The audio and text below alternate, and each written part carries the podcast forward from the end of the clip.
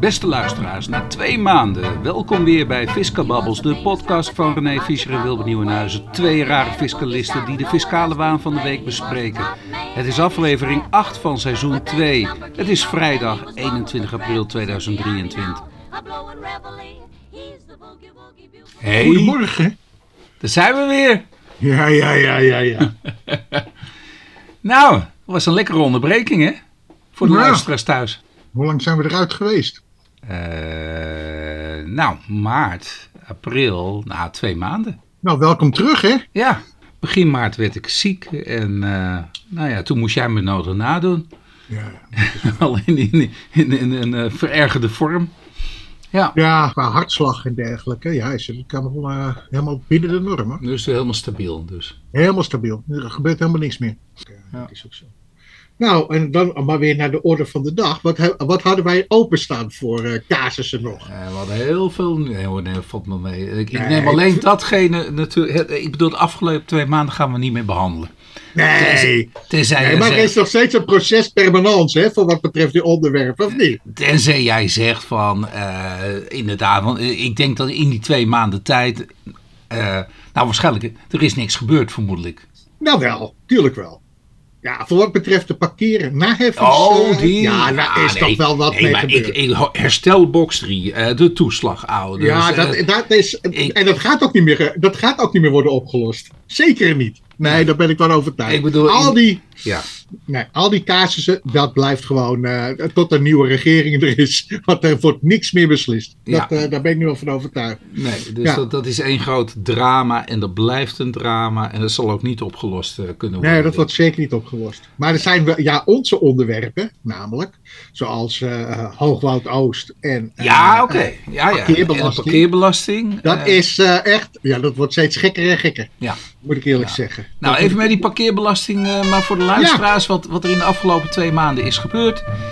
Eh, we kregen allemaal uitspraken eh, van diverse personen. Nou, da- daar heeft de, de luisteraar nog wel iets van meegekregen natuurlijk. Hè, want we hebben eens een keertje iemand van de gemeente Zaanstad, daar de, van de fiscaliteit, die hebben we ervan beschuldigd. Goh, waar haal je meestertitel eigenlijk tegenwoordig vandaan?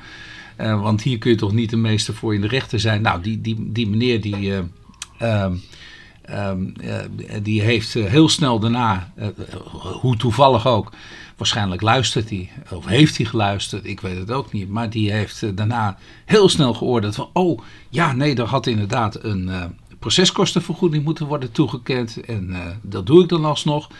Waarvan overigens het geld nog steeds niet binnen is. Dus Oh ja, daar moet ik ook nog een briefje voor schrijven, dat klopt, ja. ja. Ja, dat is toch wel raar. Want ik bedoel, ja, je, je, hij kent het alsnog toe. Daardoor heb je geen belang. Je kunt daardoor in feite niet meer natuurlijk naar de rechter toe stappen. Nou, dat, dat is één. Ehm, vervolgens blijkt er ook nog een keer iemand anders. eh, tenminste, is er ook nog iemand anders werkzaam op deze afdeling. En die slaat alles in de wind. Die, eh, die zegt: ja, ja het, eh, het moet worden toegekend. Eh, de, de, de, de, de, het bezwaar wordt gegrond verklaard. Hè? Dus ons eh, beroep op eh, het arrest van de Hoge Raad. eh, dat honoreer ik uiteraard. Ja, ik kan moeilijk anders natuurlijk. Dat honoreer ik.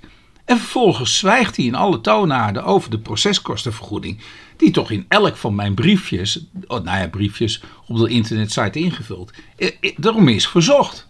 Ja. Ja, ja, dat is wel leuk, maar dan, dan komt hij dus niet. Hij, verklaart wel het bezwaar gegrond, eh, eh, komt tegemoet aan de vernietiging, maar niet aan de proceskostenvergoeding. Dus ja, ik ben voor al die zaken ben ik dus nu in beroep bij de rechtbank, want hij moet die proceskostenvergoeding ook gaan vergoeden. En nu zo direct ook de proceskostenvergoeding bij de rechtbank.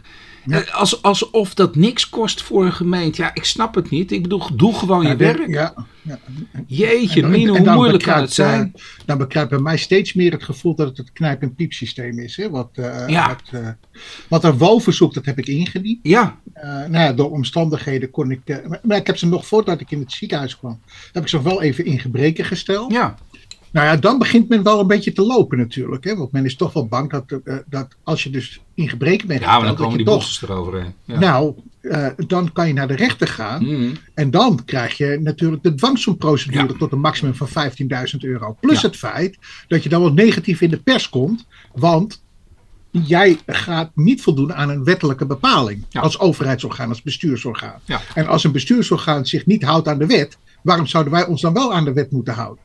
En dat leidt toch weer, ja, sorry, in het grotere verhaal, leidt toch weer in de ongeloofwaardigheid van het bestuursorgaan. Ja. In, het, eh, in, dit geval in het bijzonder Zaanstad, maar in het algemeen ook eh, eh, landelijk. Ja. Hè, want, want namelijk, het is een landelijke regeling, een landelijke wet. En die wordt niet nagevolgd. Ja. Goed. maar de WO-ambtenaar die heeft mij dus gebeld, uiteindelijk, met de vraag van ja, eh, we moeten een afspraak maken. Ja, goed, ik kon, ik kon natuurlijk niet, omdat eh, ja, ik was eh, verhinderd, op de, eh, eh, zoals, eh zoals Gordy dat ook zo mooi Je zei. lag lekker op de IC. Ja. maar intussen hebben we een afspraak gemaakt voor mij om toch maar even met elkaar te praten. Ja. En nou ja, goed, ik, kijk, het gekke is, met die VO-procedure is het zo. Je vraagt gegevens op en dan is het aan de overheid om te zeggen van nou, dit is te veel omvattend. Ik ga eh, de vraag verengen. Waar bent u naar op zoek? Wat vindt u Ja. u- Dat hebben ze niet gedaan. Ja. Wat, namelijk, wat heeft er nog meer plaatsgevonden in die tussentijd, Wilbert? Is dat het parkeerbeleid is gewijzigd. Eh, eh, nou, ja, dat weet ik niet. Weet jij dat wel? Weet je het zeker dat het parkeerbeleid is gewijzigd? Nou, het staat nu wel op de. God, eh, als je dus je app doet, eh, Ja? eh, dan staat er van. ja, staat er zo'n Ja, tijdslimiet dat- van 30 minuten. Ja, ja dat, dat, Dat 30 stond minuten vroeger er later niet kun op, je hem weer opnieuw Ja, activeren. Ja, maar dat was, dat was nooit het geval. Ja. Dan, maar voor wat mij betreft. Maar dat is, mijn, Ook- dat is de app, hè? Ik bedoel, Ja, eh, ja, ik- ja. ik- het staat overigens niet, en dat werd wel gezegd, het staat overigens niet op die parkeerzuilen. hè? Nou. Daar staat het niet op. ja, Dus daar is nog even naar gekeken. Ik denk, eh, nou ja, goed, als dat wordt foto's gezegd, maken. Ja. dan gaat, er wordt toch even een foto gemaakt Ja. eh, op die en die datum. Ook raar Dus, eh, dan, toch? Ik bedoel, is- je is zou toch raar. verwachten op die zuil moet het nou juist staan. Ja, ja. Die app, dat is Maar- gewoon, ja, dat is van een particuliere eh, eh, appmaker. eh, die dat allemaal doet, hè? Parkline, Parkmobiel, weet ik niet welk. welk hè? Maar, maar, maar dat is iets anders natuurlijk dan parkeerbeleid. Want dan moet Dus het de- blijkelijk dan in de gemeenteraad moet het parkeerbeleid zijn veranderd. ja, of op een andere wijze zijn gecommuniceerd en besloten. Ja, Maar ja, daarvoor heb ik dus ook die WO ingediend. Ja, dat wil maar- ik toch wel eens weten, Ja. hè, hoe dat zit. Ja. Hey, even ook voor de luisteraars thuis. Hè. Ik bedoel, het is niet omdat wij zo ongelooflijk recalcitrant zijn en het naleven en regeltjes ehm, eh, willen, eh, onder de neus willen drukken. Het gaat erom dat het parkeerbeleid in Zaanstad gewoon belachelijk is. Ik bedoel, er is geen enkele noodzaak om daar, waar wij willen parkeren, in dat centrum van Zandam, op een woensdagavond. Als het nou koopavond was, had ik me nou iets bij in kunnen denken dat je dat wil beperken. Maar op een woensdagavond, alle bewoners liggen gewoon te slapen. Er is parkeergelegenheid over. Dan snap ik helemaal niet waarom je maximaal twee uur mag parkeren. En ons, ons clubgebouw wordt daardoor slechter exploitabel. Want wij kunnen dus niet meer aan, aan, aan, aan huurders dit gebouw verhuren. Omdat die zeggen, ja, we mogen hier maar maximaal twee uur parkeren. Ja, ja, ja. En, en terwijl er helemaal geen enkele noodzaak is, René. Nee. En dan, wij hebben dus jarenlang hebben geprobeerd. Hè, met de gemeente kunnen we niet eens een keertje hierover gaan praten. Kan dat parkeerbeleid niet, niet veranderd worden? Maar ja, je wordt gewoon door die ambtenaren, word je, hè, want dan zou je de politiek moeten ingooien. Dat is ook weer zo'n gedoe. Maar door die ambtenaren, nou, die kijken je aan en die denken, joh, ik ga niet voor jou eh, wat doen hoor. Nee. Nou, en dat is eigenlijk de reden waarom we zo recalcitrant zijn. Om, Ja.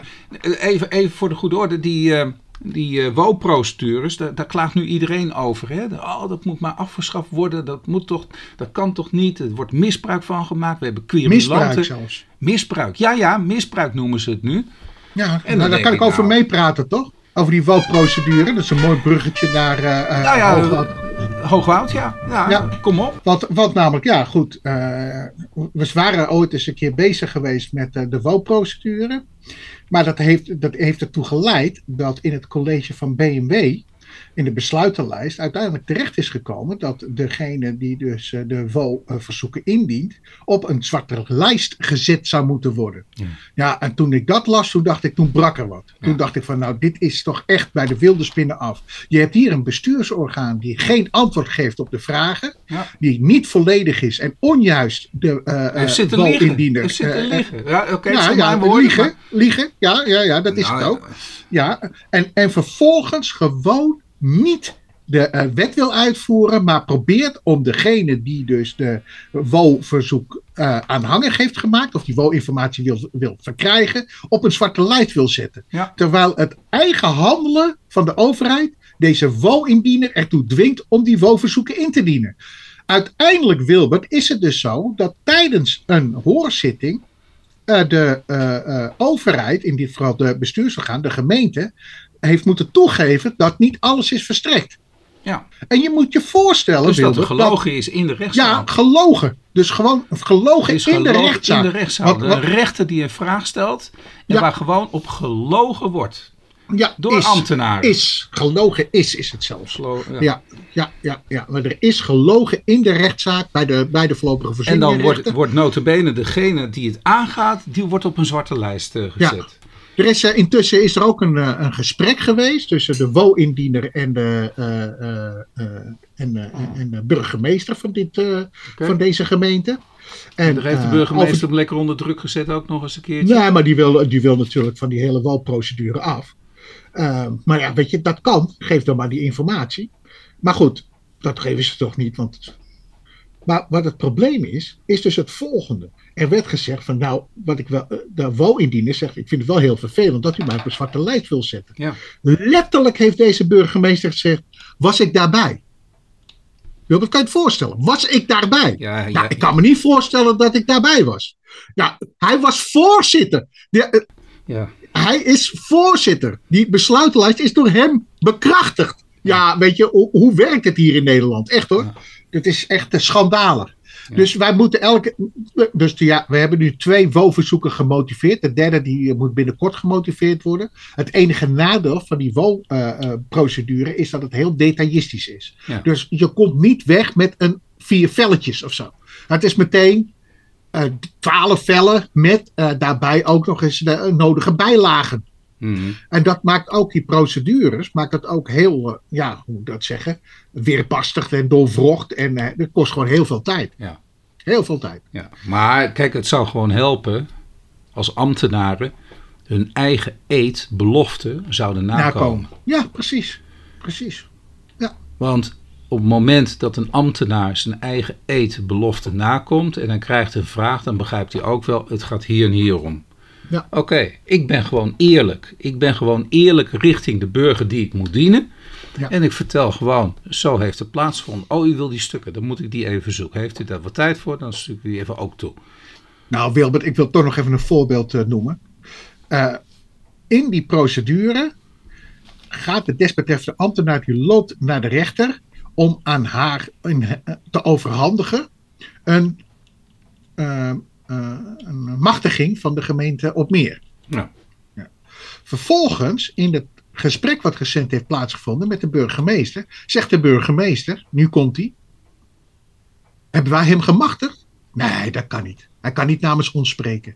Het, de procedure is tegen het college van BMW, hè? Ja. Het is echt ongelooflijk. Ja. ja. weet je, en dan, dan, val ik, dan val ik gewoon van mijn stokje. Dan val ik echt, dan ben ik klaar. Ja. Weet je, kijk, en al die bullshit, ja. dat noem ik echt, hè, BS, ja. dat, dat had je gewoon, daar hoef je geen gesprek voor te voeren. Is allemaal zonde van de tijd. Ja. Lever nu gewoon en zorg gewoon, gewoon ervoor dat de burger zijn informatie krijgt waarom hij verzoekt. Dat is het enige. En voor de rest helemaal niets. Ja, maar, eh, maar nogmaals, het hoeft allemaal niet zo ingewikkeld te doen. Zij maken het zelf zo ingewikkeld. Ja, door, ambtenaren... door niet als een gewoon mens te reageren, maar meteen in, de, in, in, in de, de, de juridische, uh, uh, uh, ja, hoe moet ik het zeggen, de juridische sfeer te, te duiken en meteen alles te willen dekken, dekken, dekken. Ja. Ja, maar ik zou nog wat vertellen wat als excuus wordt gebruikt. Dat is toch echt wel een belangrijk onderdeel. Ja, we, we kunnen niet aan de termijnen voldoen. Hmm. Maar dat zien we overal in Nederland, dat men niet meer aan de termijnen kan voldoen. Ja. Wat is dit, joh? Wij moeten Als wel ik termijn- zes als ik weken zes te laat ben Precies. En, ik, en en als burger, dan ben ik niet ontvankelijk, wordt het niet meer in behandeling genomen. Ja, ja. Maar dat geldt niet voor die overheid. Nee, ze hebben in die wet hebben ze, van. nee, maar in die wetgeving hebben ze al de dwangsommen eh, voor de bezwaarprocedure hebben ze er al uitgehaald. Hè? Ja. Dus je moet eerst in gebreken, daarna naar de rechter, dan Ja. pas begint die dwangsommen te lopen. Ja. Dus je moet al stappen ondernemen. Ja. Terwijl die overheid uiteindelijk gewoon, als ze dat niet willen verstrekken, gewoon die 15.000 euro gaat betalen. Dat is het maximum. Ja. Ja, dit is echt. Ja, ik moet eerlijk zeggen, het, ja, dit- Ehm, ehm, waar komt het nou door? Ja. Is, het, eh, is Nederland te gejuridiseerd? Dat vraag ik me dan af. Ja. Nou, ehm, dat komt dus door de, dat de, de, eh, de, de, de overheid, de, gemeente met het ambtenarenapparaat. Dat ehm, was natuurlijk, ja, misschien nog voor de ICT-periode, laat ik zo maar zeggen. ehm, eh, was het ontoegankelijk. Hè? Het, het was niet zichtbaar. Het, het, het kon moeilijk boven water komen. Eh, nu wordt het steeds makkelijker natuurlijk, ook voor burgers, om misstanden eh, die plaatsvinden misschien boven water te kunnen krijgen. Mhm. Is dat misschien? Ja, omdat, we, omdat we te slim worden of zo. Nou, Omdat wij, eh, informatie of- veel toegankelijker is. Of, ja, dat, is dat het misschien? nee. Terwijl, ja, maar ik, Ik denk zelf- eh, Kun je, kun je zeggen dat de overheid van vroeger wel transparant was? Weet je waarmee het begonnen is? Denk ik. Wetje Mulder. Dat denk ik. Wetje Mulder. Kun je die nog herinneren? Ja, nee, Het dat van de parkeerboetes. Dat is het begin van het einde? Eerst, Wat, wat eerst gaat men doen? en daarna eh zoek Ja, je het pa- ja. pas maar uit. Eh, Ja, en alles via de bestuursrechter afdwingen. Ja. Hè, alles via het bestuursrecht. Dus ook, weet je, Mulder, dat gaat helemaal niet meer. Het is wel ah, justitieel, maar dat gaat allemaal, eh, nou ja, zeg maar, eh, eh, Maar eh, probeer het zo moeilijk mogelijk voor de burger te maken Ja. om, eh, om, eh, ontoegankelijker. om inderdaad een, een veroordeling van, van een parkeerboete, een, een, snelheidsovertreding te creëren. Ja. Alles administratief Dan afdoen. weten we tenminste, ja, nou ja, dat is efficiëntie Ja, die men efficiëntie, ja. invoeren door, door middel van die wet. Ja. Omdat En dat zie je ook in de beboeting te in de, veel- in de vis. te veel Ja? mogelijkheden om het, het, het, het, strafrechtelijke circuit te, te dwarsbomen. En toen heeft men het strafrechtelijke circuit heeft men dus eh, gefiscaliseerd. Eh, althans bestuursrechtelijk eh, aangepakt. Om, om zo ervoor te zorgen dat de burgers minder mogelijkheden hadden om tegen in te gaan. Maar als ik dus terugkijk naar Wetje net- Mulder, dat is eigenlijk wel een beetje, ja, in mijn herinnering is dat een beetje het begin van het einde. Want toen kwam ineens ook, eh, er was geen politie meer, nee, men ging flitspalen neerzetten, Ja. men ging eh, dit doen, maar het werd steeds afstandelijker, de boete die je krijgt en je gedraging. Ja. Hè? Maar, eh, en toen dacht ik van, hé, hey, dit gaat verkeerd. En je ziet dus nu ook dat heel veel processen zijn geautomatiseerd. Dus er is sowieso nu een afstand ontstaan tussen de overheid, Ja. die eigenlijk als kassier fungeert, Ja. en zijn burgers. Het gaat niet meer om eh, gedrag echt eh, te corrigeren. Want wat, als jij acht kilometer te hard rijdt, eh, Wilbert, ga jij daarna je, je kilometers, je tempo aanpassen? Doe je dat? Nee. Nee, Eh, ja, maar je krijgt wel die boete. ja. En die boete neem je voor de koop toe. ja. Bijvoorbeeld een, een, naheffingsaanslag. Nee, het heeft, na- na- dat is mijn, mijn, mijn, mijn zorg ook. Ik bedoel, het heeft niks met de verkeersveiligheid natuurlijk van doen, al die snelheidsovertredingen. En ja, je weet het mag niet. Maar ja, acht kilometer te hard. Ik ben, ik ben echt niet. eh, ehm, eh, en, en die heb ik heel veel, hè, inderdaad. Maar ik ben echt niet onzorgvuldig aan het rijden. Ik bedoel, ik, ik, ik heb afgelopen jaar totaal geen ongeluk gehad. Geen, geen aanrijding, of wat dan ook. Helemaal niks. Ehm, maar ja, je krijgt wel die brie- de, de- in de brievenbus al die boetes natuurlijk. Dus Ja, dat heeft maar, helemaal niks dus op meer met elkaar een- van doen. Ja, En het is wel een inkomstenbron geworden. En dat is net als die parkeerbelastingen. precies. Daar heeft men gewoon een, een, een, een, eh, een inkomstenbron. Nou, op zich niet de parkeerbelasting, maar de boetes bij parkeerbelastingen. Ja, die heeft men gewoon een soort inkomensbron, eh, inkomstenbron bij de overheid gecreëerd. Ja. En, en dat is het kwalijke natuurlijk. Hè? Dus het misbruiken eigenlijk van het hele boetesysteem wat je erbij had. Nou ja, goed. Gelukkig hebben we dan nog weer de jurisprudentie, Wilbert. Nou ja, gelukkig hebben we dus de WO. Oh, gelukkig bij de WO. Ja, maar, maar dan moeten ze de WO niet uh, zo direct onmogelijk gaan maken, omdat er zwarte lijsten worden aange, uh, aangebracht. Nou, en, gewenst wordt. En jij weet, of, overheid of en zwarte de, lijsten. En, ja. en, dat is de, de, de ja, Kafkaanse. Dat lijkt me, ja, dat lijkt me echt niet uh, de juiste gang van zaken hoor. Nee. En kijk, en wat het gekke is, Wilbert, ze gebruiken ook het woord zwarte lijst. Weet je, dat is ja. nog het gekke. Ja. Ja, Bijvoorbeeld zijn... op een zwarte lijst zitten. Ja, joh, dan breekt ook je hart, joh. Dat ja. je in zo'n gemeente leeft. Ja, en dan nog zo'n stomme burgemeester natuurlijk. Ja, stupid. Die... Maar ja. Nou, ik hoop dat dit allemaal wordt uh, opgenomen. Dan, uh, ja, dan, allemaal, dan ga, ik, ga ik al lekker reclame maken in de gemeente uh, op meer. Okay. En dat is ook de burgemeester dit te horen krijgt. Ja. Nou, we nou. gaan nu weer beginnen met, het, ouderwetse, met de ouderwetse arbeid. Keek op de week. En ja, helaas, onze grote man Keek op de week is, is helaas is ja, niet meer onder ons. Ja, Jammer ja, ook. Hè? Ja, spijtig hoor. Spijtig. Wat een bijzondere man was dat toch. In retrospectief. Ja, met z'n tweeën. Hè. Dat was ja, zeker. Alle twee. Deed, dus, maar ook, weet je wat ook zo is, Wilbert? Als je die oude filmpjes bekijkt. Ja. Niets is gewijzigd. Niets. Nee. Kijk, zelfs die Wim de Bie, die Rutte nadeed. Ja. Terwijl Rutte nog moest, uh, moest geboren moest worden. Ja, dat is toch fantastisch? Ja, ja. Hoe is het mogelijk ja. dat dat kan? Ja, ja toch of niet? Ja, nee, ik zeker. vind het echt fantastisch. En we hadden het nou net over een burgemeester en over de wethouders natuurlijk. Ja, nou, ja, ja. ja. Het is, uh, er is Juinen, hè? De gemeente, de gemeente Juinen. ja. ja met wet, wethouder Hekking heet hij ook. Ja, wethouder Hekking, ja. ja. Ja, ja. Nee, meneer de burgemeester. En dan kwam hier meneer. Fantastisch. Ja, geweldig. Ja. Ja. Maar ja, nu is onze eigen cake op de week. Uh, ja. En dat is de, van de afgelopen week. Uh, het, het, is nu 21 april. Nou, en uh, nou, dan gooi je er wel een aantal tussen. Oh nee, deze is nog vrij recent natuurlijk. Maar um, het begint met BTW. Ja, en dan denk jij meteen aan mij. Er zaten een aantal BTW-beginnetjes in. Nou, ja, dat zijn er toch best wel ook wel wat interessante dingetjes stonden erbij. Ja. Maar zeker ook... Uh, uh, deze. Kijk, ik weet dat jij nog wel wat vindt over die uh, carouselfraude en dergelijke. Ja. Hè? Daar, daar, heb je wel een, een opinie op. En je, je hebt ook de oplossing gegeven waar ze nog steeds niet aan willen voldoen. Nou, het gaat nu wel komen hoor. Begint te komen nu. Begint te komen. Nou, hoe, maar, hoe lang ben je er al mee bezig dan? Met, ik in 2007 heb ik voor het eerst een, een, een open brief geschreven aan de Europese Commissie. Dat één, nou, daar nooit een antwoord op gekregen natuurlijk. Ik heb die wel gepubliceerd natuurlijk. Dus ik, ik heb bewijs dat ik al in 2007 riep, nou, dat is 15 jaar geleden. Hè, van, goh, joh, als je dit een beetje automatiseert, heb je zo de fraude er tussenuit gehaald. Ja. Dan heb je er helemaal geen last meer van. Althans, dan natuurlijk, je kunt er altijd nog last van hebben, maar dan zit je er als, als een, ja, bovenop. En, dat, en dat, dat doe je niet. Je gaat niet onder, onder het oog van een camera ga je een diefstal plegen, toch? Ja.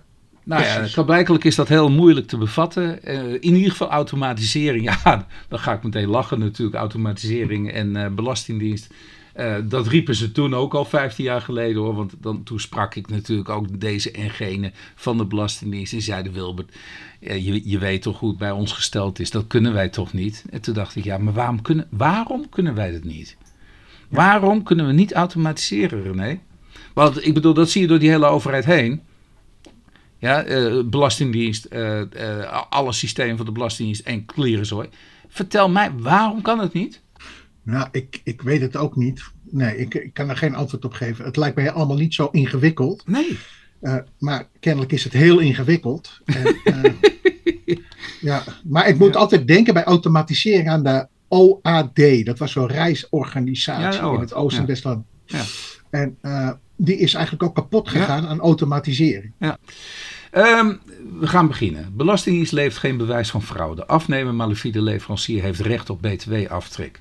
Dus er is hier geprocedeerd uh, bij de rechtbank Den Haag. Het is een uh, uitspraak van, oh, uh, heb ik hem er wel bij of niet genomen? Ja, ik had hem er wel bij. Een uitspraak van 14 maart 2023, AWB 22, schrap 1947. En als ik heel eerlijk ben, normaal gesproken al die fraudezaken, René, uh, nou het zijn er niet zoveel op, maar uh, als er een fraudezaak is, dan vind ik het niet zo int interessant. Als ik heel eerlijk ben. Fraude mm. is fraude, fraude mag fraude niet. Is nou, klaar. Precies. Ik bedoel, maar in dit geval... maar hier wordt geprocedeerd. Dus hier heeft een... Uh, een... Overigens, Overigens ook weer over mobiele telefoons en zo. Hè? Ja, maar dat, dat komt om de carouselfraude. In 15 jaar is er dus niets veranderd. Ja, wel. Nou, wel, oh, wel? wel ja, oh. de carouselfraude, ja, een van de belangrijkste items waarmee gefraudeerd werd en wat het dus goed mogelijk maakte, waren juist mobiele telefoons. Dat bedoel je te zeggen. Ja die fraude die hebben we aanzienlijk naar beneden gebracht. Door heel eenvoudig, echt goede wetgeving, slimme wetgeving. Ja, eh, afgezien van mijn idee, idee dan om alles natuurlijk te automatiseren. En nou, wat dus niet kon. Ja, om gewoon te zeggen, ja, hoe kun je voorkomen dat je kunt frauderen? Nou, door geen belastingverschuldigdheid meer te creëren. Ja, precies. Ja, Verleggen al die schakels. En dus hebben we een verleggingsregeling ingevoerd. En die werkt perfect. Die werkt perfect. Dus hier zo kan het ook alleen maar gaan om een fraude. Uh, waarbij voor minder dan 10.000 euro aan mobiele telefoons werd verkocht. Ja. En dan kun je zeggen, hoe, dat is wel een heleboel geld natuurlijk waarmee gefraudeerd kan worden. En ongetwijfeld zal het hier ook om een groot bedrag zijn gegaan. Maar niet zulke miljoenen bedragen. Waar nee. voorheen natuurlijk de fraude mee plaatsvond.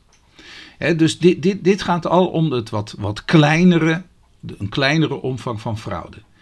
Maar ja, als je dat dan inderdaad constateert, dat er, uh, nou ja, in jou, althans jij denkt dat er fraude wordt gepleegd, hey, dan moet je dossier als Belastingdienst wel goed op orde zijn. Ja, Want je, beticht, je beticht iemand van fraude. Ja. nou, dan vind ik, uh, ik bedoel, ik had het laatst ook in een ander gremium, waar iemand een ander beschuldigde van fraude. Ja, dan vind ik, dan moet je wel met goed bewijs komen. En anders, ja, dan ben je gewoon bezig eigenlijk met smaad. Nou, dat, wat wou ik zeggen? Dat kan, dat kan gewoon niet. En hier deze inspecteur, en ik weet dat het frustrerend is, want wat gebeurde er in deze zaak? Uh, deze meneer die handelde dus in mobiele telefoontjes, die koopt van iemand anders, van een BV. En die BV, nou ja, laten we gewoon maar zeggen, dat is een ploffer. Hè? Dat is iemand die uh, uh, fraudeert met belasting. Die heeft BTW in rekening gebracht, maar heeft dat niet op aangifte voldaan. Zijn klant dus, hè, en dat is hier zo degene die nu hier de belastingplichtige is, die van, ook van fraude wordt beschuldigd. Ja, die uh, is meerdere malen al door de Belastingdienst uh, bezocht. En toen heeft de Belastingdienst buiten de wetgeving om gewoon tegen die man gezegd: joh, als je nu inkopen doet bij, bij nieuwe leveranciers, stem het dan even met mij af. Stem het dan even met de Belastingdienst af Kennen we deze, persoon? Kennen we deze BV? Is het uh, bona fide? Is het malafide hè, wat hier gebeurt? Mogen we eigenlijk wel niet zeggen, maar we kunnen wel zeggen natuurlijk van... Goh, het is niet zuivere koffie. Wij zouden maar adviseren om dat niet te doen. En, uh, ja, dat is ook dus, raar of niet? Ja, dat is ook raar. Maar het is wel effectief. Oké. En ik begrijp ook wel die belastingambtenaren, want die, die, uh, die zien een BV, daar hebben ze hun bedenkingen bij ja, eigenlijk een zwarte lijst waarvan wij dat dus inderdaad niet weten, René. Ik begrijp het ook wel van de Belastingdienst dat ze die zwarte lijst willen hanteren zonder enige. En, en soms is die zwarte lijst ook terecht. En hier, in dit geval was hij terecht. Ja? Want die BV deed het inderdaad niet. Maar nu gaan ze bij zijn koper, zeggen ze: Ja, je hebt ons niet geïnformeerd over deze verkoper. Ja, je had dat wel moeten doen. Dus nu wist je, of behoorde je te weten, dat je met iemand in zee bent gegaan uh, die de BTW niet voldoet. En daarvan zegt de rechter nu, ja hallo, dat kan niet. En, en ik, nogmaals, ik begrijp heel goed van de Belastingdienst dat je fraude, als je dat ruikt, dat je dat wil gaan voorkomen en dan eigenlijk uh, wilt gaan zeggen tegen de koper: je kunt maar niet beter niet in zee gaan met de verkoper. En deze koper die heeft gedacht: ja, sorry hoor, maar ik zie een goede business en jij maakt mijn business kapot. Zo kan ik van niemand meer inkopen. Ja. En die heeft dat ook gedacht van ja, wat is de wettelijke basis waarop nu de Belastingdienst tegen mij zegt: jij mag niet bij hem inkopen. Waar, eh, eh, die geheime zwarte lijst alweer, ja, die is er niet. Ja. Dus deze koper die is lekker in, uh, in uh, beroep gegaan. En die krijgt nu gelijk. Want er is eigenlijk, ja, er is alleen maar van ja, je had ons uh, beloofd om te bellen. Je had het beloofd even af te stemmen. Het heb je niet gedaan. En dus weet je dat het niet goed is. Ja, en dat is voor de rechter te weinig. En terecht ja. dus. Ja, ja, kijk, het vervelende is, ik, ik, er is fraude in het spel. Ja, ehm, ja. En, en de, de redenen waarom men dus men, hier fraude dacht te, te bespeuren, dat was er natuurlijk ook. Dus die BV, de leverancier, die is er ook niet meer. Die heeft ook niet zijn centjes voldaan natuurlijk. Dus ik begrijp heel goed van de Belastingdienst dat ze ook dat proberen te doen. Alleen ja, uh, uh, ja je hoort mij, mij kreunen en steunen. Um, nou, dit is te weinig nu. Mm -hmm. Ja. Ja. nou, deze, deze maar even bij jou, want anders dan uh, krijg ik te veel ambies. Hoezo krijg je te veel ambies? Oh, ik krijg uh, regelmatig door wel via ons clubje krijg ik allemaal ambi-instellingen voorgelegd. En uh, wat moeten we nu weer? En, nou goed, in dit geval is er een wijziging besluit giften aftrekken en ambies. Ja. En het heeft voornamelijk te maken met de periodiciteit. Mm -hmm. En waar het hier op neerkomt, is dus dat je, uh, uh, nou ja, goed, er is een, rechts, een, rechtspraak van de Hoge Raad van 7 oktober 2022. En die uh, heeft betrekking op periodieke, uit, nou ja, periodieke betalingen aan mm -hmm. een, een ambi-instelling over meerdere jaren. Maar die is dus afhankelijk gesteld van twee levens in plaats van één leven. Oké. En uh, het risico daarvan was dus dat je uh, uh, niet aan dat overlijdenscriterium zou voldoen. Want dat moet dan in ieder geval meer zijn dan 1%. Ja, allemaal ingewikkeld, ingewikkeld. Hè? Dat vind ik eigenlijk ook al. Van, joh, hoe, nou ja. Dus, maar de Hoge Raad heeft dus daaraan tegemoet gekomen. Dus dat je dus, ondanks dat het op meer levens is, toch in aftrek komt. En nu zie je, wat hier ook weer, wat je in veel andere situaties ook weer ziet. Als je te laat bent ja, weet je, ben je te laat. En als je op tijd bent, ben je, ben je op tijd geweest, als je dus bezwaar hebt gemaakt. En dan kan je dus volledig aan die uh, periodiciteit voldoen. Eh, even, even terug, hè. Uh, Ambi, algemene bewogen instelling. Als je daar een schenking aan doet, dan is, uh, gift aan doet, dan, dan is die aftrekbaar. Maar je moet eerst een drempel overheen, toch? Nee, dat is niet zo. Bij nee, nee, niet oh. bij periodiek. Maar gewoon oh. als je een gift doet. Ja, als je een normale gift doet, zit er een, een drempel in. Dan zit je een drempeltje. Nou, ja. en, en nou hebben ze één versoepeling ten aanzien van Ambi. Zo hebben ze ook uh, uh, gemaakt. Dat als je je verplicht om vijf jaar lang, zeg ik dat goed? Vijf ja, jaar lang zo'n gift te doen.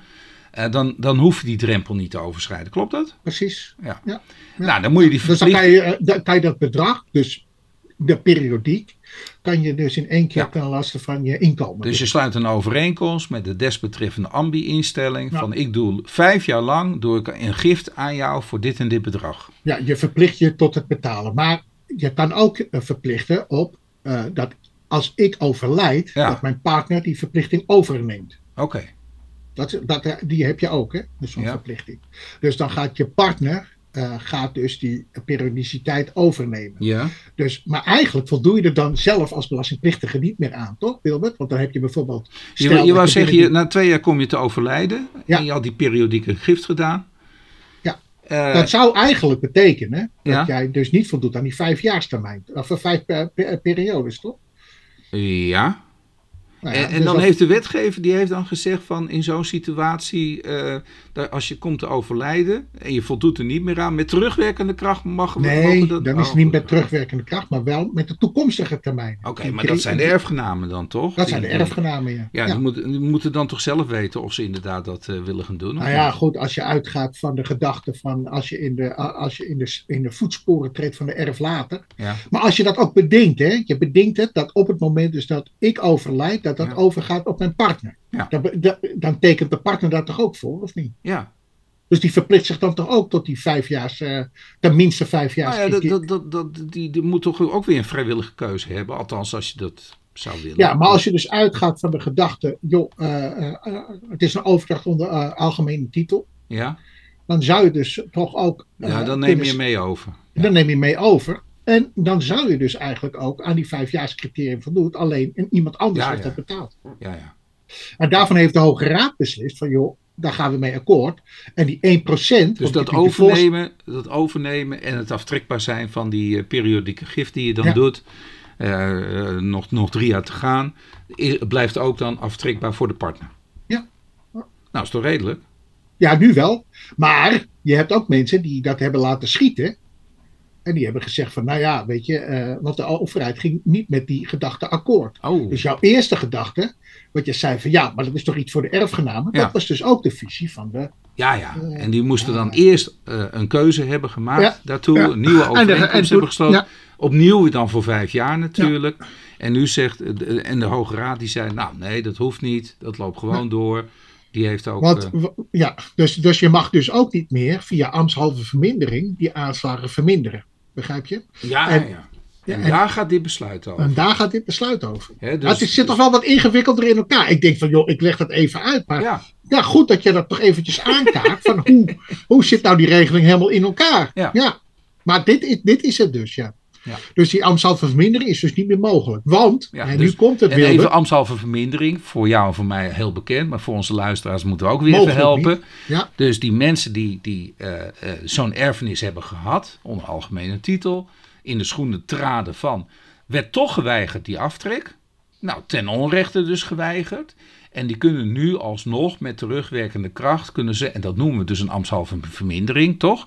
Ja. Ten aanzien van die desbetreffende jaren dat dat werd geweigerd, kunnen ze nu alsnog, kunnen ze dan die aftrek claimen. nee, dat Oh. kunnen ze niet. Oh, help. Nee, want, wat zegt de, eh, eh, wat Oh. zegt de overheid? Ja. Mag wel in de situatie dat je tijdig bezwaar hebt gemaakt. Hè, de- Oh. en, voor nieuw, en, en voor oudbestaande aanslagen mag dat allemaal wel. Ja. Maar voor ambtshalve verminderingen niet. Ah, want, omdat er sprake is van nieuwe jurisprudentie. Oh ja, en die gaat pas in op 7 oktober 2022 dat de Hoge Raad die Ja, uitspraak deed. precies, precies. Ja, en dus- dat dus heel onderdeel is formeel. dus- Ja, ja, ja en, dat zie je dus ook weer terug. bij de herstelbetalingen. Nou ja, goed, enzovoort, enzovoort. En dat is ook een onderdeel, dat Ja. is ook de rode draad van deze aflevering waarschijnlijk. Ja, dat een bestuursorgaan ongeloofwaardig wordt. En je hebt gelijk Ja. hoor. We hebben Ja. regels. Dat klopt dan inderdaad. Ja, aan de maar andere je gaat kant- er ook vandaan. Je gaat er ook van uit dat de overheid juist de regels maakt. Ja. ja. Aan de andere kant, René, ik, ik, eh, je, je weet, ik heb er ook voor de medisch pedicures heb ik geprocedeerd, toch? Ja. Daar heeft een eh, brancheorganisatie, die heeft zich daarvoor hard gemaakt. Die heeft mij dus ook betaald. Die heeft een uitgave moeten doen. Die heeft al alle leden moeten informeren. Die heeft tegen de leden moeten zeggen, jongens, jullie moeten allemaal bezwaar maken. En dan eh, kunnen jullie aansluiten bij die procedure. En dan hoeft het maar één keer. Dan kom je op een lijst te staan. Niet een zwarte lijst, maar een witte lijst. Ja, Ja, een lijst in Ja. ieder geval. En eh, wat, wat gebeurt er nu? Eh, nu zijn er twee andere brancheorganisaties. Nou, dan eentje dan die echt eh, heel actief richting de leden roept van... Ja, en jullie moeten, de- onze leden moeten ook de belangen daarvan behartigd worden. Ja, maar die hebben niks gedaan. Ja. Het is ook best oneerlijk om die nou de, dezelfde geneugten te geven als die van ons. Ja, toch? Wij hebben onze Ja. moeite gedaan. Nou ja, dan had je maar moeite moeten doen. Om dat voor elkaar te krijgen, toch? Dus er zit ook wel Ja, wat in. je ziet, je ziet ook dat er iets wrangs in zit. Hè? Ja. Dat- begrijp je wat ik bedoel? Het, het, het geeft een, een, een cringy gevoel. Ja. Weet je, aan de ene kant heb jij, formeel heb je gelijk. Hè? Ja. Want namelijk, het jij hebt al je werkzaamheden gedaan. Ja. En er heeft, iemand heeft ervoor betaald. Nee. En dan komt er een andere partij die dan zegt van, joh, maar wij willen ook gewoon meedoen. Ja. Alleen jullie hebben er niet voor betaald. De zogenaamde freeriders. Ja, hè? nee, zeker. Ja. Ja, ja. Oké. Goed, volgende. Ja, we gaan naar de volgende. En de volgende is ja, weer zo'n BTW. Verhuur zolderruimte, woning, BTW, vrijgestelde economische activiteit. Eh, recht, rechtbank, wat is het? Zeeland. West-Brabant. Eh, van 15 februari 2023. Dat is dus Breda. En daarom ook zaaknummer Bree eh 21 schrap 4170.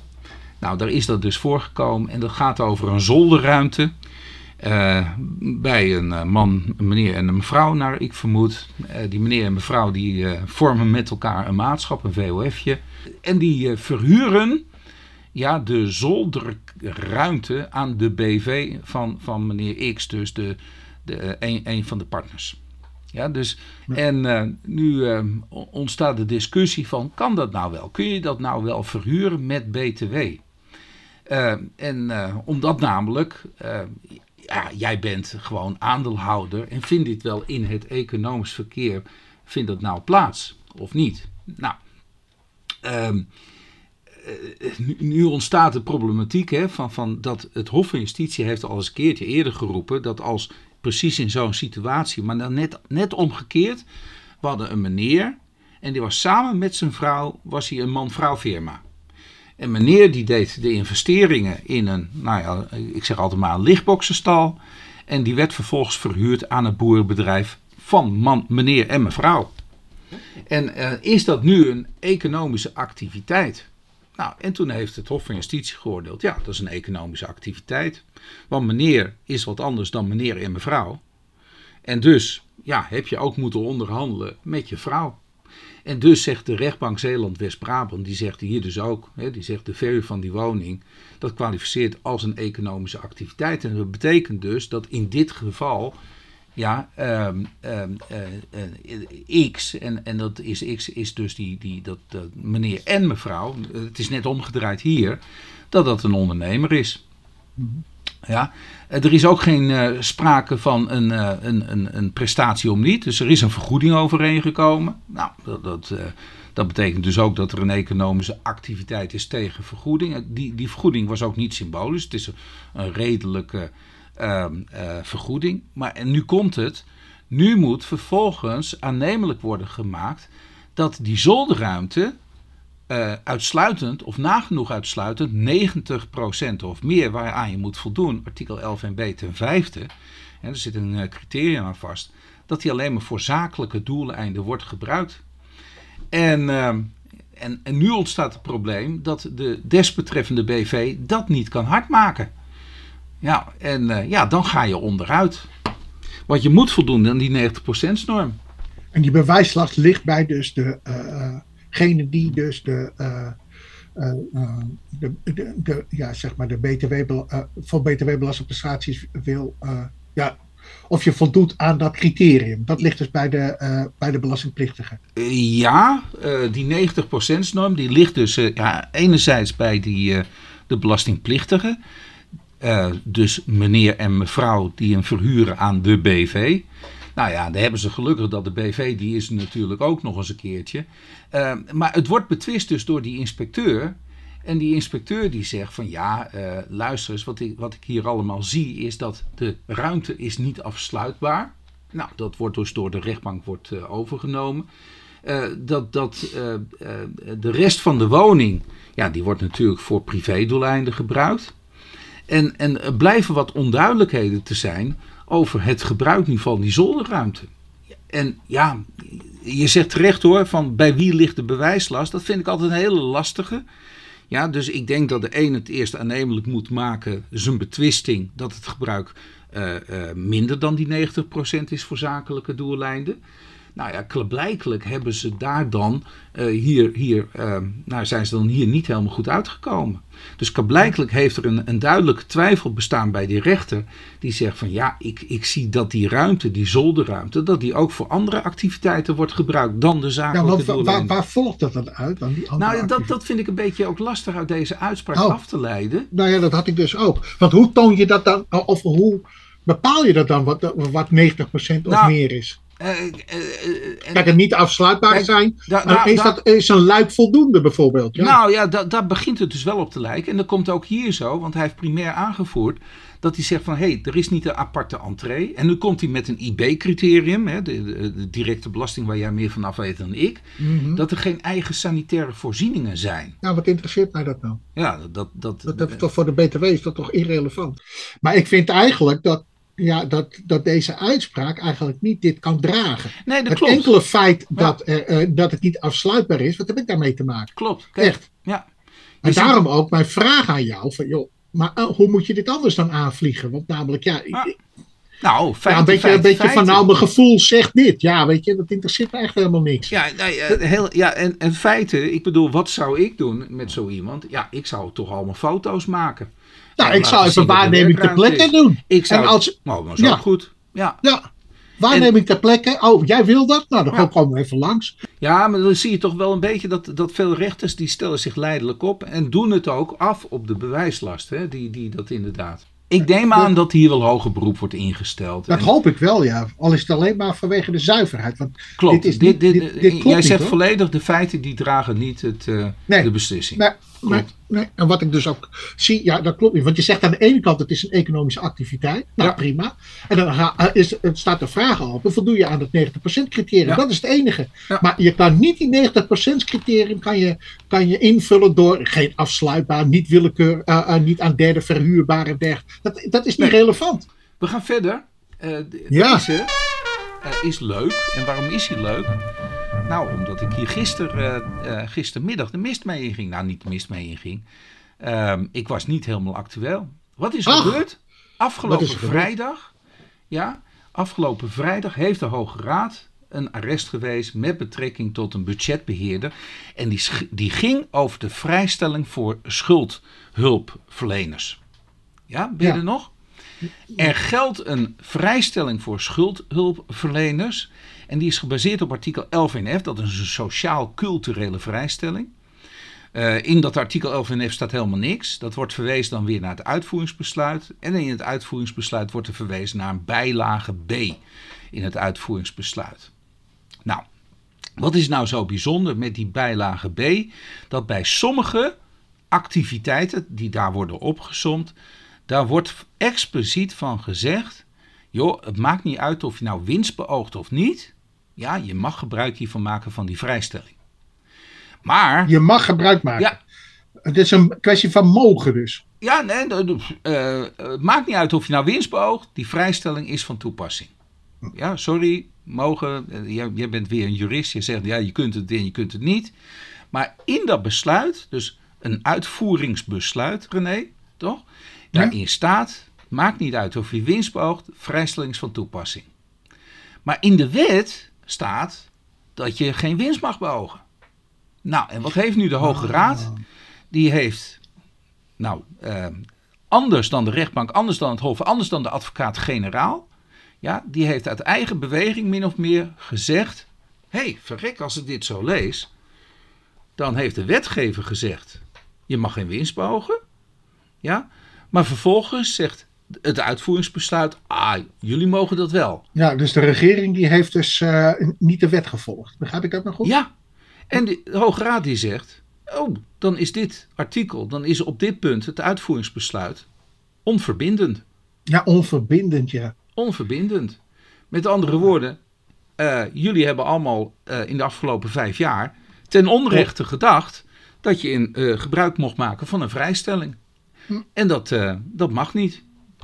Eh, nou, je zult begrijpen dat, dat ik meteen iemand aan de telefoon had, nou, die op de e-mail had. En die zei, eh, jeetje, wat erg, want wat betekent dat nou voor mij? Nou ja, ik eigenlijk moest tegen hem zeggen, oeps, over de afgelopen vijf jaar mag jij de BTW allemaal wel lekker terug gaan betalen. eh, Want die, die, afdragen die je niet hebt afgedragen, ja, dan ga je failliet. Dan ga je gewoon failliet. Maar ik mag hopen dat daar toch een, ook een tegemoetkoming in zit. Hè? Dat zo'n. Want je kan toch niet eh, op. Maar kan je niet zeggen van ja, maar dat is nieuwe Het wordt nu zelfs jurisprudentie. nog erger. Nou wordt het Eh, zelfs maar nog Wilbert, erger. is ja, dat nee, niet- nee, is het- dan, ga ik, dan ga ik het nog erger doen. Is dat geen nieuwe jurisprudentie? Dan ga ik het nog erger maken. Wat zegt de Hoge Raad nog meer? Ja, dit gaat ook problemen opleveren voor de niet winstbeogende schuldhulpverleners. Oh, want? Nou, er staat namelijk ook in de wet dat enerzijds niet winstbeogen, maar er mag ook geen sprake zijn van concurrentievervalsing.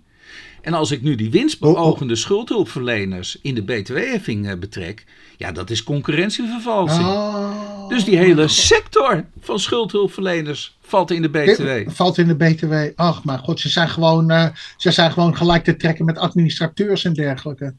Nou, goedemorgen. Dat betekent dus dat, nou ja, wie kan vijf jaar lang de BTW die je niet hebt afgedragen, 21 Ja, wie kan dat betalen? Dat kan niemand betalen.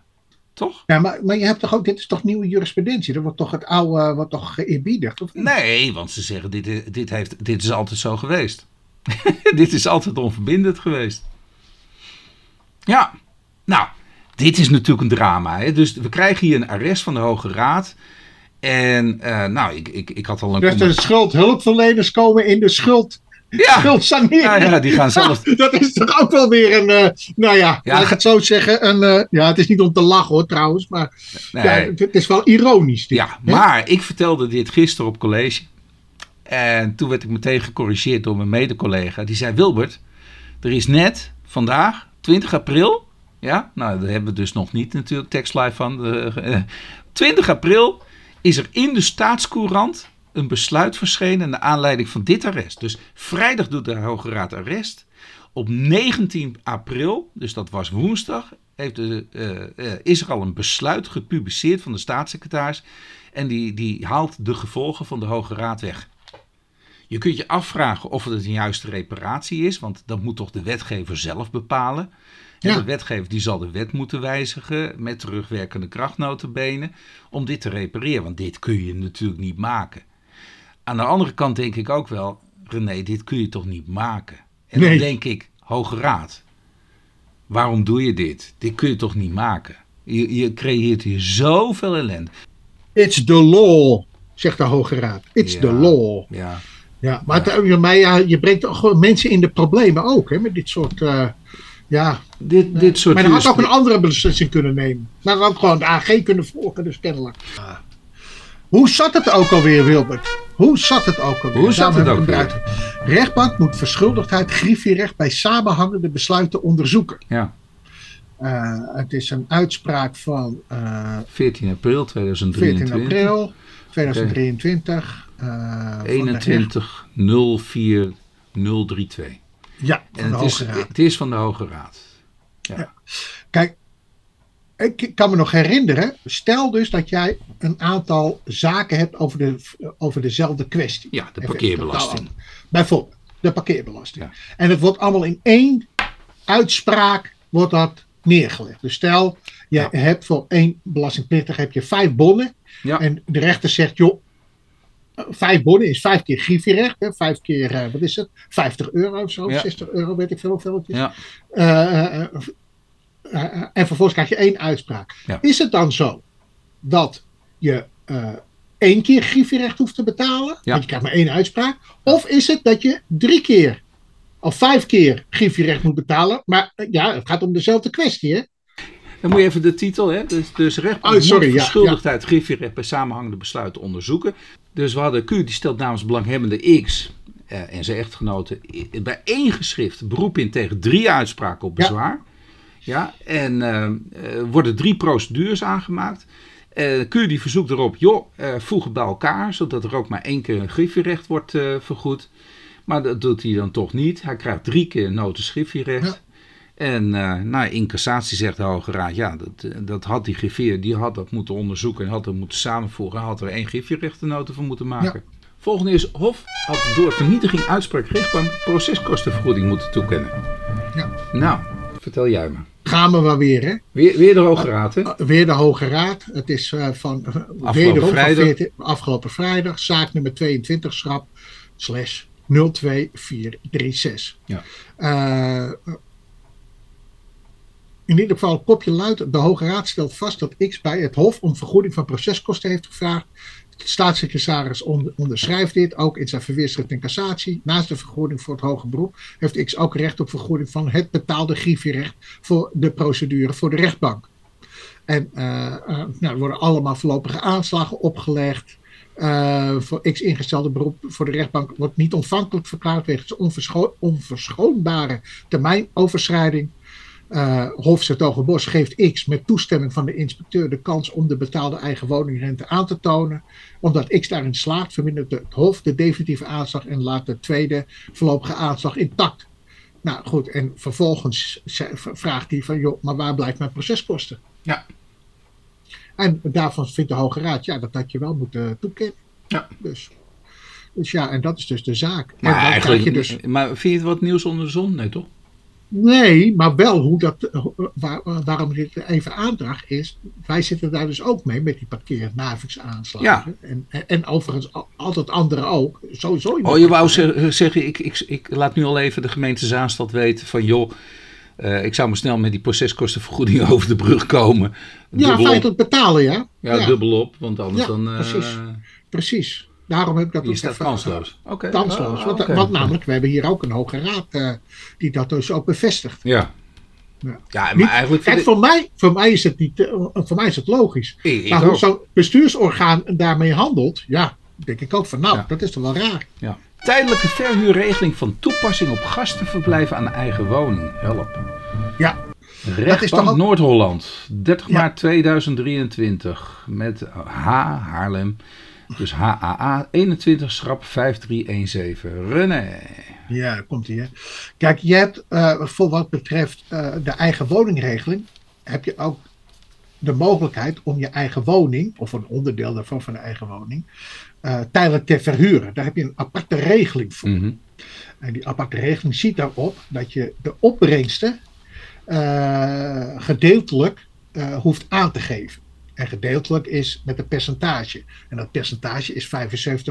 Dus stel, ja, gaat je een aanhorigheid ga je te verhuur aanbieden, wat dus tot de eigen woning behoort. Mm -hmm. hè, want tot de eigen woning behoren niet alleen de eigen woning zelf, maar ook de aanhorigheden. Dus stel dat jij een uh, tuinhuis hebt die groot genoeg is om dat te doen. Mm -hmm. uh, dan kan jij, voor zover dat niet in zelfstandigheid uh, behelst, uh, maar tot de eigen woning behoort, behoef je slechts die 5, uh, 75% van die huuropbrengsten in aanmerking te nemen. Mm. Dat is eigenlijk de regel. En hier wil men uh, eigenlijk. Dus hier, hier, heeft men een aanbouw. Is ja. men in de Airbnb gaan douwen, toch? Ja. ja. Heeft men een inkomsten uitgehad? 2600 euro aan huurinkomsten in dat jaar 2018. Ja. En wat kosten gemaakt? 774 euro.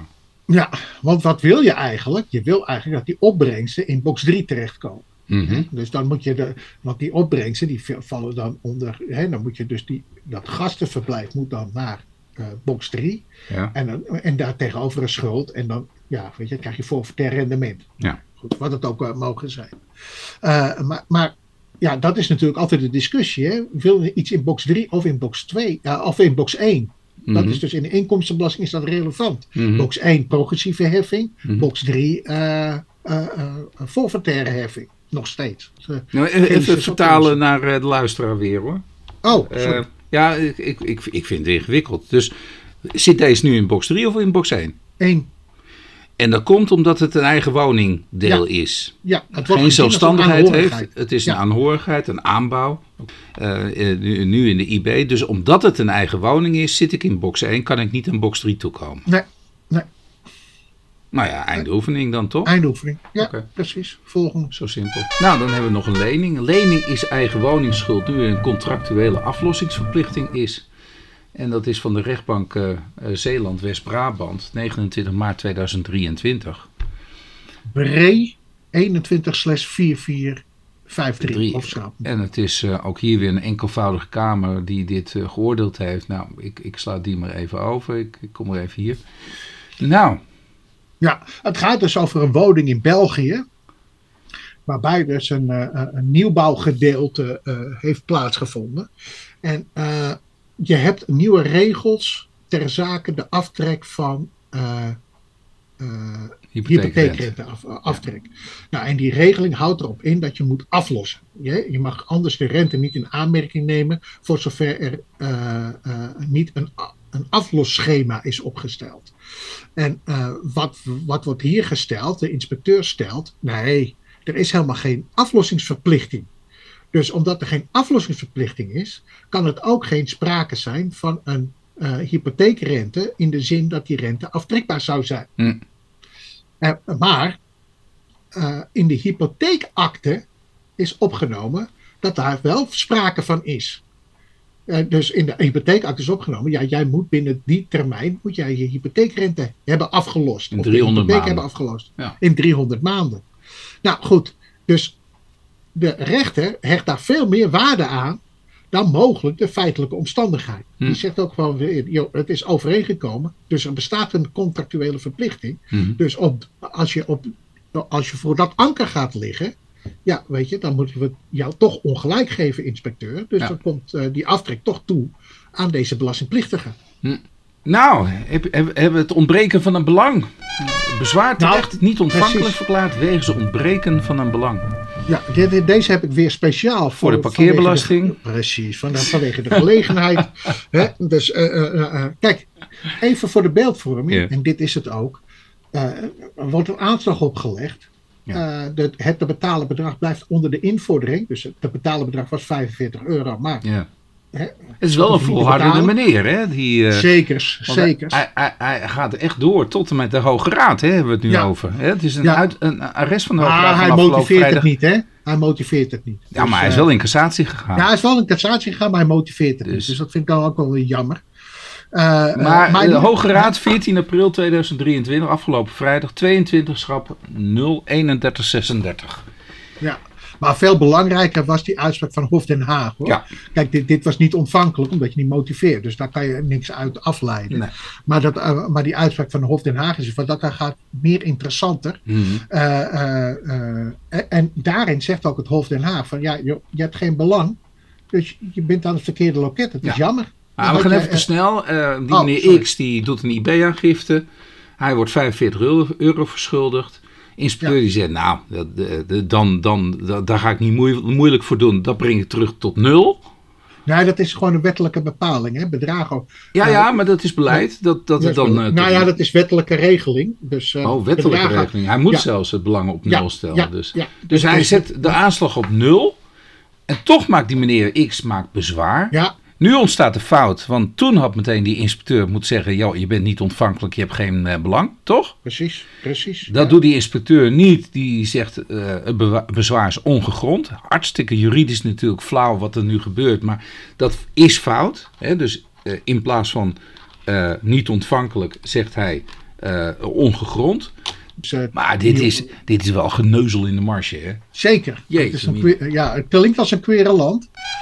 Ja. Ja, dit is toch wel een titel, dat wil ik je toch eh, niet onthouden. Dak 8. Nou, Ja, fiscale informatie DAC 8 niet bruikbaar voor vooraf ingevulde aangifte. Uit de Kamervragen blijkt dat Nederland wat betreft het uitwisselen van het TIN, TIN, bij de onderhandeling heeft ingezet op een inspanningsverplichting.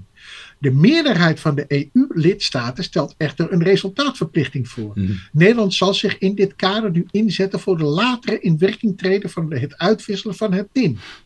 De gevolgen van DAC 8, DAC 8 voor de ICT-systemen van de Belastingdienst zijn op dit moment lastig in te schatten. De ICT-capaciteit voor DAC 8 is beschikbaar vanaf 2026. Nederland is tot slot voorstander van het formuleren van richtlijnen rondom de hoogte van boetes voor, de, voor niet-naleving van de DAC 8-verplichtingen. Ja, waar gaat dit over? Ja. Waar gaat dit over? Nou, die andere lidstaten die hebben blijkbaar wel, althans beweren dan, hun eh, automatisering op orde te hebben. En, eh, en die zeggen van ja, eh, we, we moeten gewoon die gegevens uitwisselen met elkaar. Precies. Maar dat lijkt me toch ook logisch Ja. voor, de, eh, voor de normale heffing. Wat heeft daar een inspanningsverplichting? eh, Maar Nederland die zegt, ja, wij, dat zeggen ze natuurlijk niet. wij zetten in op een inspanningsverbintenis. Ja. Want wij kunnen namelijk niet garanderen dat we op tijd die gegevens kunnen aanleveren. Dat kunnen we namelijk niet. Nee, wat een prutsers. Er werkt toch altijd twee kanten op? Eh, ja, dus wij daarom willen zit- weten wat, de- wat, de- wat, wat de bankgegevens zijn van iemand die in Maar Polen zit ze natuurlijk bijvoorbeeld. in de knijp. Want als Nederland de verplichtingen niet kan naleven uit hoofde van de richtlijn die ze wel ondertekend hebben als die richtlijn doorgaat. Ja. Hè, dus daarom zit Nederland, die zit te soepbakken om, om, om dit voor elkaar te krijgen. Om maar, want, want onze automatisering ligt, ligt op zijn gat. Ja. Maar dat is toch ook erg? Dat is toch, nou ja. Volgende onderwerp. Ja, ik toch de waarheid. Maar de top. maar voorlopig blijft het nog wel zo zijn, eh, dat dak Ja. achter met de ellende. En, eh, Inspecteur maakt aannemelijk dat inkomsten in het buitenland zijn opgekomen. Verlengde navorderingstermijn van toepassing.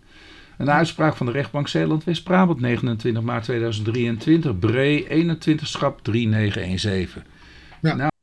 Het gaat hem om een, eh, om een inkomensbron van 25.270 euro. In ieder geval onduidelijk was of het winst uit onderneming zou moeten worden gekwalificeerd als, of als rol. Maar het begint natuurlijk bij het eerste. Dat is of deze inkomens, die dus niet zijn aangegeven, of die uit een buitenlandse eh, bron afkomstig zijn of uit de binnenlandse bron. Hm. De reden daarvan is dat dus eh, op het moment dus dat het uit een buitenlandse bron afkomstig is, dat daarop de verlengde termijn van toepassing is van 12 jaar. Dus van 5 jaar wordt het 12 jaar. Ja. Heeft de 12 jaar de tijd om een aanslag op te leggen. Het verhaal. Andere kant van het verhaal is, als dus die beslissing is gevallen voor die 12 jaar of 5 jaar, dan is het zaak van, maar wat is dan uh, de uh, inkomensbron en waarop zouden, waar zouden we die dan onder moeten kwalificeren? Ja, is, het nou is dat winst onderneming of is dat rol? Ja. Uh, titel uit kennisgroep standpunt. Dubbele punt. Precies. Kennisgroep standpunt. Um, dus, dus in de afgelopen weken zijn heel veel kennisgroep standpunten zijn gepubliceerd over het jaar 2022. He, de Belastingdienst heeft een aantal kennisgroepen. Uh, regelmatig komen er vragen bij inspecteurs en dan zeggen ze: Oh ja, dat is een hele ingewikkelde vraag. Ja, die speelt in het hele land. Breng ik in bij de kennisgroep. En dan neemt ook de kennisgroep die neemt de standpunten in en die, die, die standpunten van 2022 en, en trouwens die, die van daarvoor die gaan dus ook gepubliceerd worden. Hè, uh, die, die zijn ze nu aan het publiceren om de transparantheid van de overheid te verbeteren. Ja, dus een, want in feite is dit een stukje beleid wat gemaakt wordt door de Belastingdienst. ze stemmen in de uitvoering. ze stemmen het met elkaar af. Wat vinden we er allemaal van? En dan krijg je een goed, goed besluit. Of nou, al dan niet goed besluit. En dan weet je tenminste dat, dat er eenheid in beleid wordt uh, gevoerd. Dus dat is heel goed dat die, die ja, ik vind het ook die, prima. Die kennisgroepen nu al hun standpunten openbaar maken. Dat, ja. Was dat ook de reden waarom je hem al had ingebracht? Ja, zeker. zeker oh, okay. Want we hebben twee maanden geleden hebben we het erover gehad ja. dat dit dus zou plaatsvinden. Ja. En nu zie je dus ook dat, die, dat al die standpunten van de kennisgroepen, dat die dus nu naar uh, openbaar worden gemaakt. En toen dacht ik nog aan ons gezamenlijk project uh, waarin wij dus een uh, vereniging, uh, voor wat betreft de winstbelasting voor de VPB, mm. dat wij toch dat hebben ge, geregeld. Ja. dat deze vereniging niet in de winstbelasting wordt betrokken. Ja. maar daar is ook een kennisgroepbesluit aan vooraf gegaan. Ja. Ik heb gekeken, Wilbert. Die zat maar, er niet tussen. Die zat er nog niet tussen. Uh, nou ja, dit, dit is uh, een van mijn uh, procedures natuurlijk. Ja, niet, niet, mijn procedure geweest, maar een vervolg erop. En jij, ik geloof dat je in je commentaar schreef je nog van, hm, ben je het ermee eens? Ja. Forse verbouwing maakt van een object nog niet een nieuw gebouw. rechtbank Zeeland West-Brabant, 10 maart 2023. Bree 20, schrap 78. Nou, en waar gaat het om? Um, uh, er is een BV, die, verkrijgt een, die koopt een gebouw voor 18,5 miljoen. Gaat men vervolgens verbouwen voor 50,5 miljoen. Nou, dat ja. is behoorlijk veel natuurlijk. En dat uh, pand dat wordt vervolgens verkocht in 2018 voor 217 miljoen. Dus dat gebouw dat gaat echt uh, vier keer over de kop in de verkoopprijs. Maar überhaupt, aanschafprijs 18,7 miljoen, verbouwing 50,5 miljoen. Er is behoorlijk wat verbouwd. Nou, dat kan je wel zeggen, ja. En toch komt de rechtbank Zeeland-West-Brabant tot de conclusie dat het nog steeds datzelfde oude gebouw is. Ja. Ja. En uh, ja, wat vind ik daarvan? Ja, ik, ik denk dat de rechters, en, maar dat komt dus door de Hoge Raad, uh, een veel te, laag criterium, een veel te hoog criterium hebben ingesteld. Namelijk dat er constructieve wijzigingen moeten plaatsvinden. Constructieve bouwkundige wijzigingen moeten plaatsvinden. Uh, een nieuw, nieuw, nieuwe constructieve uh, bouwkundige wijziging moeten plaatsvinden. Wil er sprake kunnen zijn van een nieuw gebouw. En ik dat vind is wel een rare invulling, is dat toch? Wil het of niet? Ja, en ik weet ook niet waar. Als ik dit zo zie, dan denk je toch ook van, nou, ja. Er is eigenlijk helemaal niks meer van het pand over als ik... Uh, maar ja, 18... ik bedoel, uh, uh, René, het wordt telkens aan de Hoge Raad voorgelegd. Nou ja, telkens een beetje overdreven. Ik, in die zaak van mij is dat dus voorgelegd. De rechtbank Zeeland-West-Brabant heeft het ook voorgelegd in het kader van een kantoor werd een hotel. En die zaak heeft men voorgelegd aan de Hoge Raad. Die zei, waar moeten we aan toetsen? En de Hoge Raad die blijft op dit standpunt staan. En ja, kijk, je ziet hier ook dat een beroep wordt gedaan op uh, Kozuba. Ja. Uh, nou, de Hoge Raad die wil daar gewoonweg niet aan. Ja. En uh, dat volgt natuurlijk de rechtbank. De rechtbank kan ook niks anders meer. En ja, in de tussentijd komen er vanzelf wel, komt er jurisprudentie. Er is ook een promo 54 arrest van het Hof van Justitie geweest. Een herhaling van zetten met betrekking tot Kozuba. Kozuba is Pools. Promo 450 is Belgisch. Ja, op een gegeven moment denk ik toch ook wel, nou, nou moet je toch wel een beetje gaan twijfelen van echt, bestaat die ruimte ja, wel voor Nederland? Ja, ja. maar mag je dit standpunt nog wel innemen voor wat betreft nou, dat, die, vraag, die vraag zou je moeten stellen aan het Hof van Justitie. En dan kun je wel roepen, ja, wij hebben invulling gegeven. En wat het Hof van Justitie heeft gedaan, die heeft alleen maar uh, gezegd wat zijn de minimumvereisten. En wij hebben gezegd, nou ja, dat betekent dat je best die vereisten best hoger mag stellen. dat, dat, dat is het standpunt in feite van de advocaat-generaal bij de Hoge Raad en de Hoge Raad. Maar uh, ja, ik heb mijn twijfels erover. Ik denk dat dit niet stand houdt. Ik denk dat het niet juist is. Aan de andere kant, René, um, er zullen maar weinigen, ja in dit geval dan nu ook weer, uh, de meeste uh, belastingplichtigen in Nederland, uh, die hebben de profijt van dit standpunt. En dat ja, komt. Maar zo werkt het twee kanten op. Hè? Ja. Sommige mensen hebben, hebben er uh, profijt van en sommige niet. Ja. Want ik geloof dat deze toch wel wilde. Dat er deze wilde wel. Van een nieuw vervaardigde. Want hier ging het ook om een gebouw dat wordt gebruikt voor belaste activiteiten. En dan, wil je geen, ja. dan B2 is toch aftrekbaar. Dus die wilde juist nieuwbouw hebben. Die wilde juist B2 om een vrijstelling overdrachtsbelasting te krijgen. Maar in een merendeel van de gevallen hè, zie je dus dat, dat kantoren worden woningen. Hè, we hebben een woningnood. Nou, dus kantoren worden woningen, eh, andere objecten worden woningen, postkantoren worden woningen. En dus willen we heel graag dat het juist niet 9% in de BTW zit. Ja. Oké. Okay. Ja, 10,4 uh, aan de overdrachtsbelasting. Ja. ja. Onterecht geclaimd negatief loon glipt door automatische controle. Navordering mogelijk, want geen beoordelingsfout van de inspecteur. Ja, dit is toch ook wel weer een beetje lullig.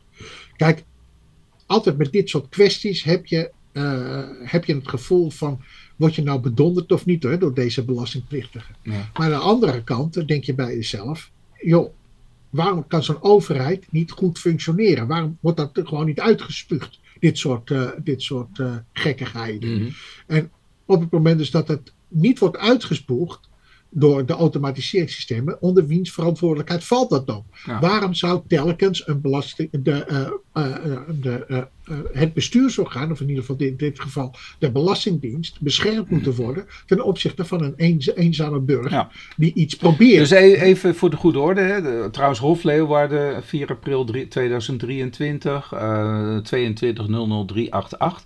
Maar Hof Arnhem-Leeuwarden, daar ging het over, die heeft een oordeel gegeven. En dat was de situatie waarin iemand, en die heeft een aangifte gedaan, inkomstenbelasting, en die heeft een negatief loon opgegeven. En, en, een negatief loon opgeven, René, in feite zeg jij daarvan, hm, dat is sowieso een beetje vreemd. Er is wat aan de hand. Dat, ja, ja, en als er toch wat aan de hand is, dan moet die toch opgespeeld worden. Dan moet er een inspecteur toch naar gaan kijken, toch? Precies, ja ja, dat vind ik, ja. En, en, en, en hier, hier wordt, uh, ge, dit is gewoon geautomatiseerd, is het afgewerkt, punt. Ja. Aanslag is opgelegd, ja, is definitief geworden. En opeens komt men erachter van verrek, oh, toch een foutje gemaakt. Dat hadden we niet zo mogen volgen. En dan zegt de inspecteur, ik heb hier een nieuw feit. Hè, want ik wist, ik kon dit niet van tevoren weten. Toch? Uh, Zeg ik het allemaal goed? Nee, en, dus mag ik een navorderingsaanslag uh, mag ik opleggen. Ja. Terwijl die belastingplichtige die zegt, ja, hallo, uh, ik, ik dien een aangifte in, daar zit een discussiepunt in, negatief loon, dat is iets bijzonders. Ja, jij accepteert dat gewoon. Ik ben ervan uitgegaan, dit is, dit is terecht geweest. Ehm, nou, geen discussie over mogelijk meer. Nou, prima. Ja. ja. En jij zegt nu van, eigenlijk negatief loon is zoiets bijzonders. Dat moet gewoon opgehoest worden. Ja, ja, dat vind ik, ja. ja. En waar, kijk, en, en, ja, weet je, en dat dan de, de, het Hof besluit van nee, er is toch wel sprake van een nieuw feit. Want namelijk de inspecteur is door die automatisering is niet in kennis gesteld. Ja, de dat, automatisering uh, komt ja, voor zijn rekening van de inspecteur. Ja, dat lijkt mij ook, ja.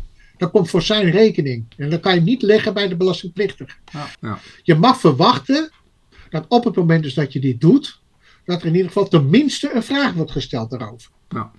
Want dan anders, weet je, als dat niet het geval is, ja, wat is dan nog wel mogelijk als, uh, als uh, een nieuw feit? Want dan kan je alles daaronder scharen.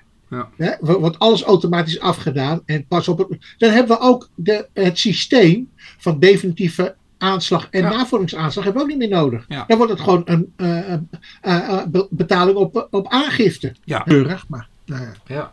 Ja. ja, Wilbert, het was weer fijn. Zo, hè? Het was Ja. zeker weer fijn. We gaan er wat moois van maken. Zeker. En, eh, Deze ja, hele week. Ja, Oké, hey, dan gaan we hangen. Is goed.